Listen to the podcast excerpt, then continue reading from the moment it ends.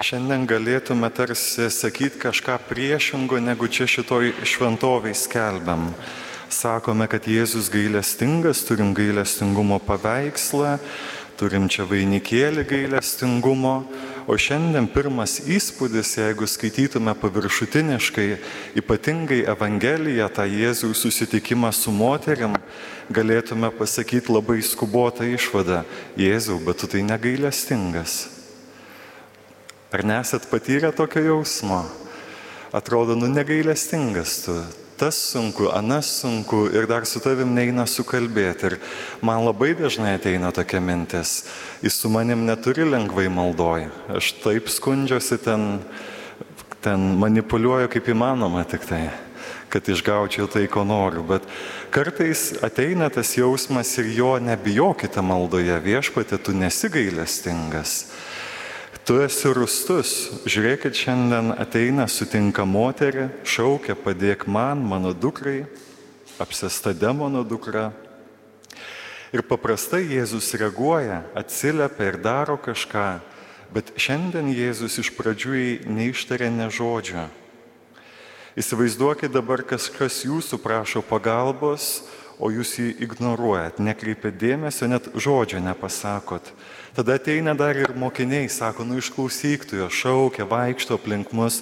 E, jie irgi gal ten iš didelės meilės, todėl kad turbūt pavargo klausyti to šauksmo, sako, nuramink tu ją, užšiauk ją daugmaž, sakant mūsų žodžiais.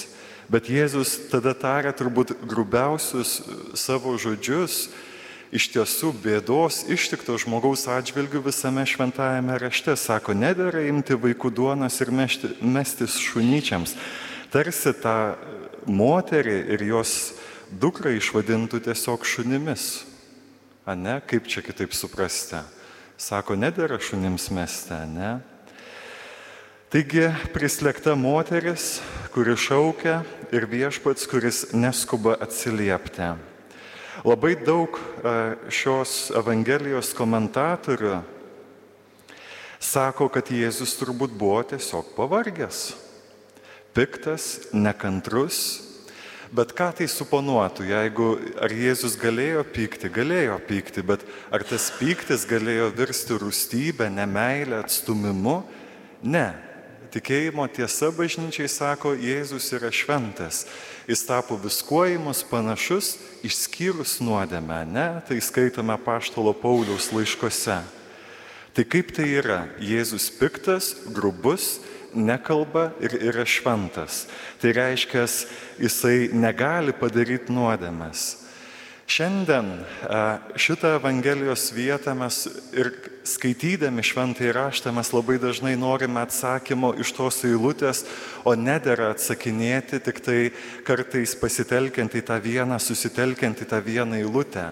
Komentuojant šventąjį raštą visada svarbu žinot kontekstą nuo pradžios knygos iki paskutinės eilutės, tam, kad galėtume daugmaž šaudyti į tą pusę teisingiau, matyti globalų vaizdą, matyti, kaip Dievas veikia visos, galima sakyti, išganimo istorijos kontekste. Ir šiandien Jėzus nori parodyti principą, kurį mes turime taip pat naudoti savo gyvenime.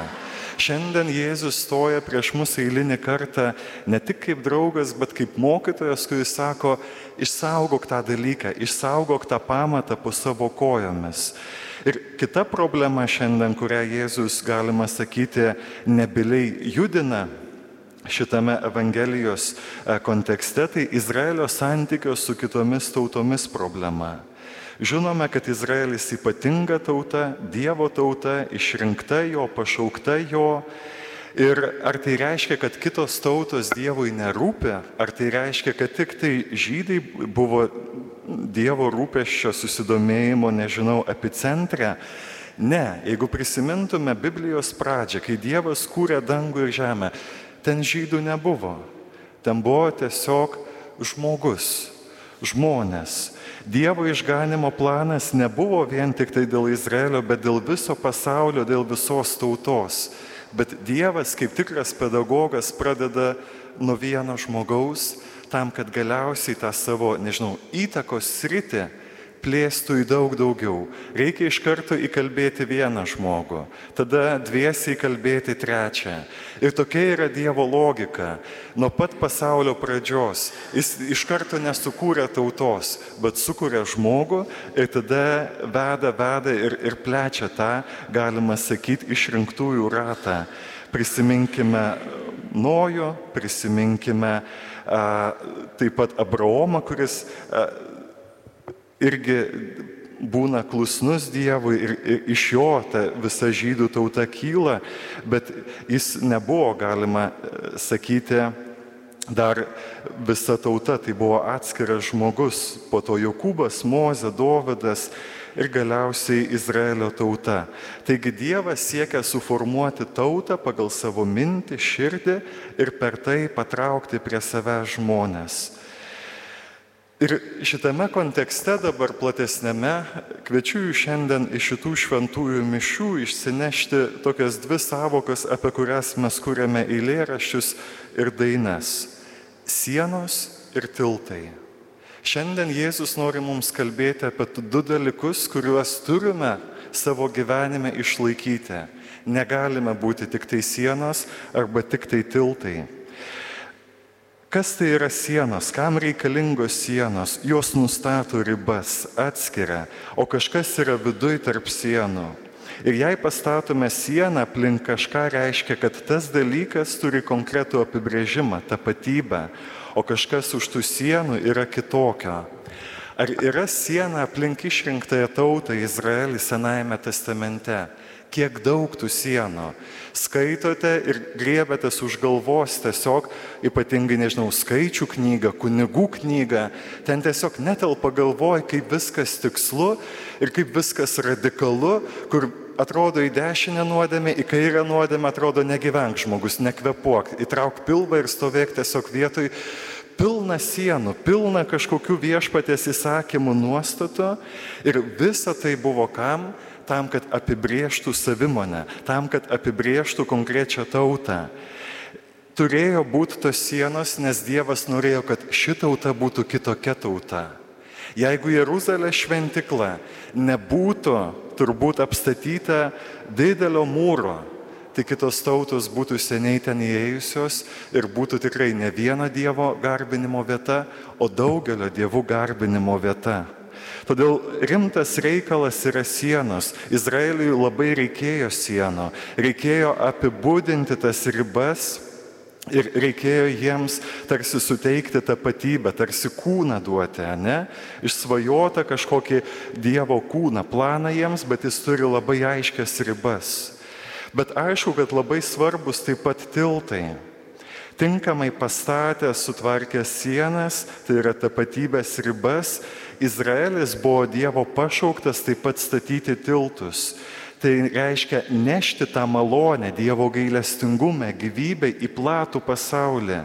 Prisiminkime Nojų ir jo laivą. Jeigu tas laivas būtų be sieno, tai potvano būtų nuskendęs. Sienos buvo reikalingos išlaikyti to laivo ribas, bet kai tvanas baigėsi, kas įvyko, sienos atsidaro. Tai, kas buvo išsaugota, gali išeiti naują gyvenimą.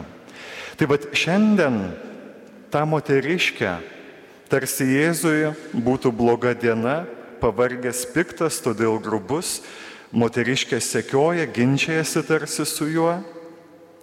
Bet e, tai nėra tiesa, tai nėra tikslu taip šiandien sakyti. Kodėl Jėzus ir apaštalai čia taip elgesi? galima sakyti, kad pirmas Jėzaus atsakymas, kad jis buvo pašauktas Izraelio avims, tai yra pasakymas ir parodimas to, kaip svarbu gyvenime turėti aiškius principus, ko laikausi. Jisai šiandien to pirmuoju sakiniu parodo, koks mūsų gyvenime yra svarbus sienų tikrovės parodimas. Aš esu siūstas tik pražuvusias Izraelio, pasi, pražuvusias Izraelio namų avis. Taigi Izraelis privalo turėti, įsivardinti, apibriežti savo labai aiškiai tapatybę. Bet kaip baigėsi visa istorija? Izraelio išskirtinumas mes jau sakome, kad nėra skirtas vien tik tai jam. Ir šiandien matome, kad Jėzus nori statyti tiltą tarp Izraelio ir pagonių, nes ta moteris buvo pagonė. Jėzus vaikšto pagonių žemėmis. Istorijos pabaigoje Jėzus išryškina Izraelio sienų svarbumą, bet stato tiltą. Ir tas tiltas yra moters tikėjimas, vedančios iš jos pusės ir jo gailestingumas iš jo pusės. Taip dabar Izraelio malonė, gyvybė pasiekia tą moterį ir galiausiai parodo, kad ta Dievo malonė ir gailestingumas yra skirtas kiekvienam žmogui, kiekvienai kalbai, kiekvienai tautai, kiekvienam gyvam žmogui esančiam šitame pasaulyje. Galima būtų baigti pamokslą, bet norisi, kad jūs kažką išsineštumėt taip pat į savo gyvenimą ką tai reiškia mums mūsų gyvenime turėti sienas ir turėti tiltus. Pagalvokite, kiek daug mes gyvenime esame gavę, to, ko neužsitarnavom, neužsidirbom, gavom kaip dovana - šeima, tikėjimas, draugai, daugybė kitų dalykų, talentai, dovanas. Kodėl jos gavome? Ne tam, kad sėdėtume, užsidarytume į dėžę ir su kaspinu vaikščiotume visą gyvenimą kaip dovanų dėžės daugmaž. Koks gražus kaspinas pas mane, kokia aš graži dėžė. Ne, dovanos dėžė yra skirta tam, kad tas kaspinas vieną dieną būtų atrištas, atidaryti dangtę ir reikia pradėti tom dovanom dalintis. Tai vad visi turime savitus būdus, kurie veikia kaip tiltai, kad mūsų gautos malonės, dovanos pasiektų kitus. Ir tai yra labai svarbu gyvenime, jeigu jaučiat, kad esate pradedate būti nelaimingi. Klausk, ar kartais per stipriai kaspino neužrišai.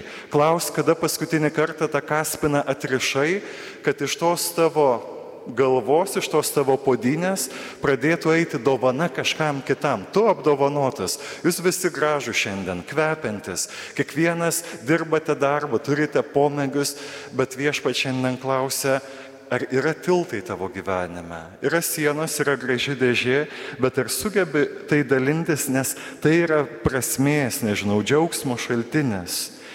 Dabar visuomenėje jūs esate to sąmoningi, kad vyrauja labai populiari tokia liberalistinė nuotaika.